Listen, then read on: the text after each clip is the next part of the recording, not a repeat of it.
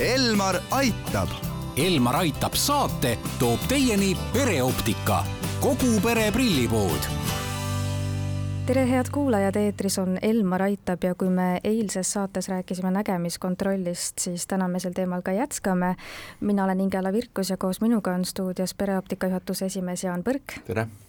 pereoptika optometrist Laura Tõnov. tere! ning Essilori prilliklaaside tootespetsialist Margo Tinno. tere! Kui nüüd aga nägemiskontrolli tullakse, siis kuidas selleks valmistuda, et kas näiteks äh, vana prilliretsept tuleks kaasa võtta või äkki tuleks midagi enne teha või hoopis tegemata jätta? väga selline hea soovitus on korralikult eelmine öö magada. Kui on tegemist kontaktläätsekandjaga, siis vähemalt kaks tundi enne kontrolli tuleks võtta kontaktläätsed silmast ära. Ja kindlasti vanad prillid, vanad äh, retseptid kaasa võtta ja, ja kindlasti mõtelda selle peale, kuhu kohta on vaja vaadata, et äh, tänapäeva prillioptika on selline, et me läätsedega äh, saame teha selle teravuse just sellele kaugusele, kuhu inimesel on vaja täpselt vaadata, et äh, tänapäeval on hästi häid klaase olemas kui nüüd aga inimene saabki teada, milline on tema silmade tervis ja milliseid prille ta vajaks, et kas ta vajaks prille või ta vajaks uuemaid prille, siis millega võib inimene riskida, kui ta seda infot arvesse võttes otsustab osta omale prillid näiteks mõnest suvalisest äh, kaubakeskusest, mitte siis prillipoest? Et tihtipeale on isegi toidupoodides seal äh, prille müügil, kus on pluss üks, pluss kaks, miinus üks, miinus kaks prilli peal. jah, seal võib olla see, see probleem, et ega inimene ei ole ju prillispetsialist ja, ja see, eks ole, mida talle nagu vaja on ja, ja see, mis prillid ta sealt saab, need äh, esmasel sellisel lühiajalisel proovimisel ei pruugi äh, õiget nagu tulemust anda ja, ja, ja võib, eks ole, sealt ikkagi äh, saada endale noh, mingisuguse vale vale toote millega lihtsalt inimene siis kohaneb ja kohaneb valesti, näiteks seal võib olla see, et silmavahe ei ole päris õige ja need tugevused ja materjalid, mis tal võib-olla on varem olnud, siis ta harjub nagu sellise mittesobiliku tootega ära ja pärast ümberharjumine on, on veel keerulisem, et mina soovitan ikkagi kasutada selliste tegevuste puhul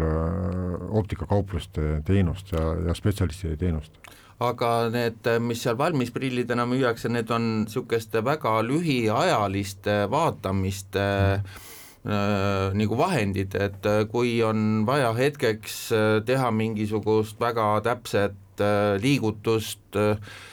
siis, siis on nad täiesti asja eest, aga, aga reeglina me ju kasutame neid vahendeid, optilisi vahendeid tundide, päevade kaupa ja vot see on probleem, et et kui me ikkagi äh, soovime, et me näeme kuskil noh, vanaduspõlves ka hästi ja, või vähemalt normaalselt, et siis ma soovitan küll kasutada ikkagi spetsialistide abi, et et me ei hakka ju hambaid ise parandama, et, et nägemine on täpselt sama vajalik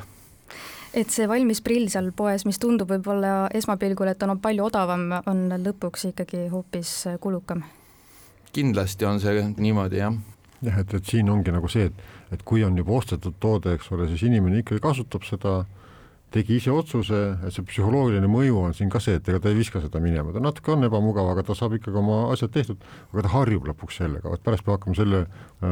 vale, vale harjumusega tegelema. jaa, ja kui tähtis on see, et kui ta on harjunud selle vale prilliga, siis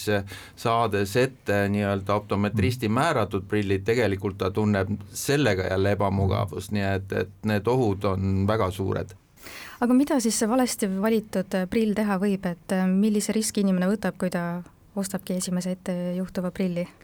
Äh, enamasti valmisprillides ei ole oftalmilised läätsed, mis siis tähendab seda, et see tsenter, optiline tsenter võib olla ükskõik kus seal prilliläätses. see aga tekitab omakorda prisma mõju, valguse murdumist ja omakorda siis tekitab selliseid silmaväsimise kaebusi näiteks silmakõõritamisi, selliseid asju. millele lisaks kvaliteedile siis veel tasuks kindlasti prillide valimisel mõelda, näiteks võib-olla klaaside ja katete osas? on võimalik kaitsta oma silmi erinevate selliste valgusmõjude eest, et noh, UV-kiirgusest teame ju kõik, et see on agressiivne kiirgus, mida meil palju ei ole vaja, sama on ka silma jaoks, et et hävitab elus kude ja, ja noh, selle eest tuleb kaitsta, ehk nagu päikseprillid ja üldse kõik UV-kaitsed klaasidel on olulised. ja lisaks on, on vaja mõelda ka seda, et kui me oleme palju ikkagi arvuti taga, et siis see sinise valguse teema on, on tänapäeval väga suur, see, et sinine valgus on selline, mis mida, mis ümbritseb meid väga palju, osa valguse spektrist, aga väga suure energiaga. ja vot see suur energia on samuti see osa, mis elus koele mõjub halvasti ja kuna ta igapäevaselt noh, silmal on oma kaitse tegelikult olemas, aga me kunagi ei tea, mis keskkonnas me päriselt oleme, kus kohas seda, seda sinise valguse fooni on liiga palju, kus kohas me, meie oma tervis ei saa sellega nagu hakkama või, et siis meil peame natukene aitama ennast, et seda sinist valgust vähendada, et äh, tulevikus oleks silmatervis äh, parem ja mina oskan veel seda ütelda, et seesama kuiva silma sündroom, mille tagajärgedega me siis tegeleme, et äh, sellel ajal, kui seda arvutit ei olnud, kui inimesed noh, vaatasid rohkem äh, naturaalseid asju naturaalsete värvidega, siis tegelikult seda kuivasilma sündroomi ei olnud. et mida rohkem äh, selliseid äh, kunstvalguseid,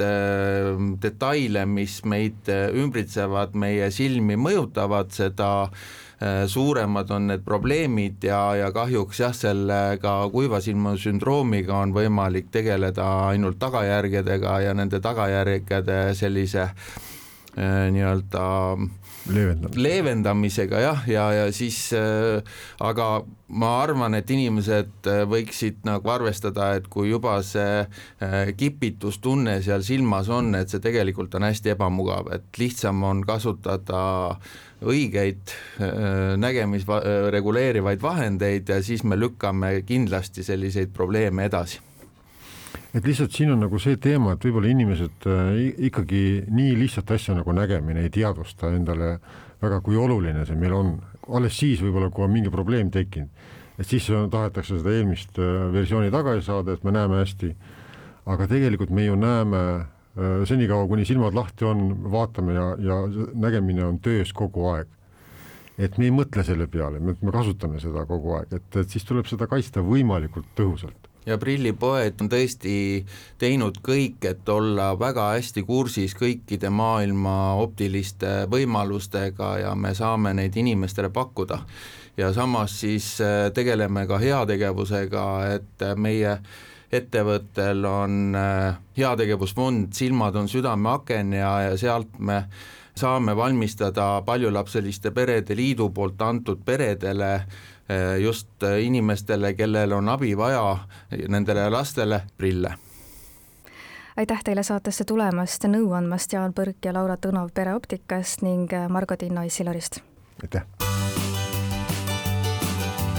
Elmar aitab. Elmar aitab saate toob teieni pereoptika, kogu pere prillipood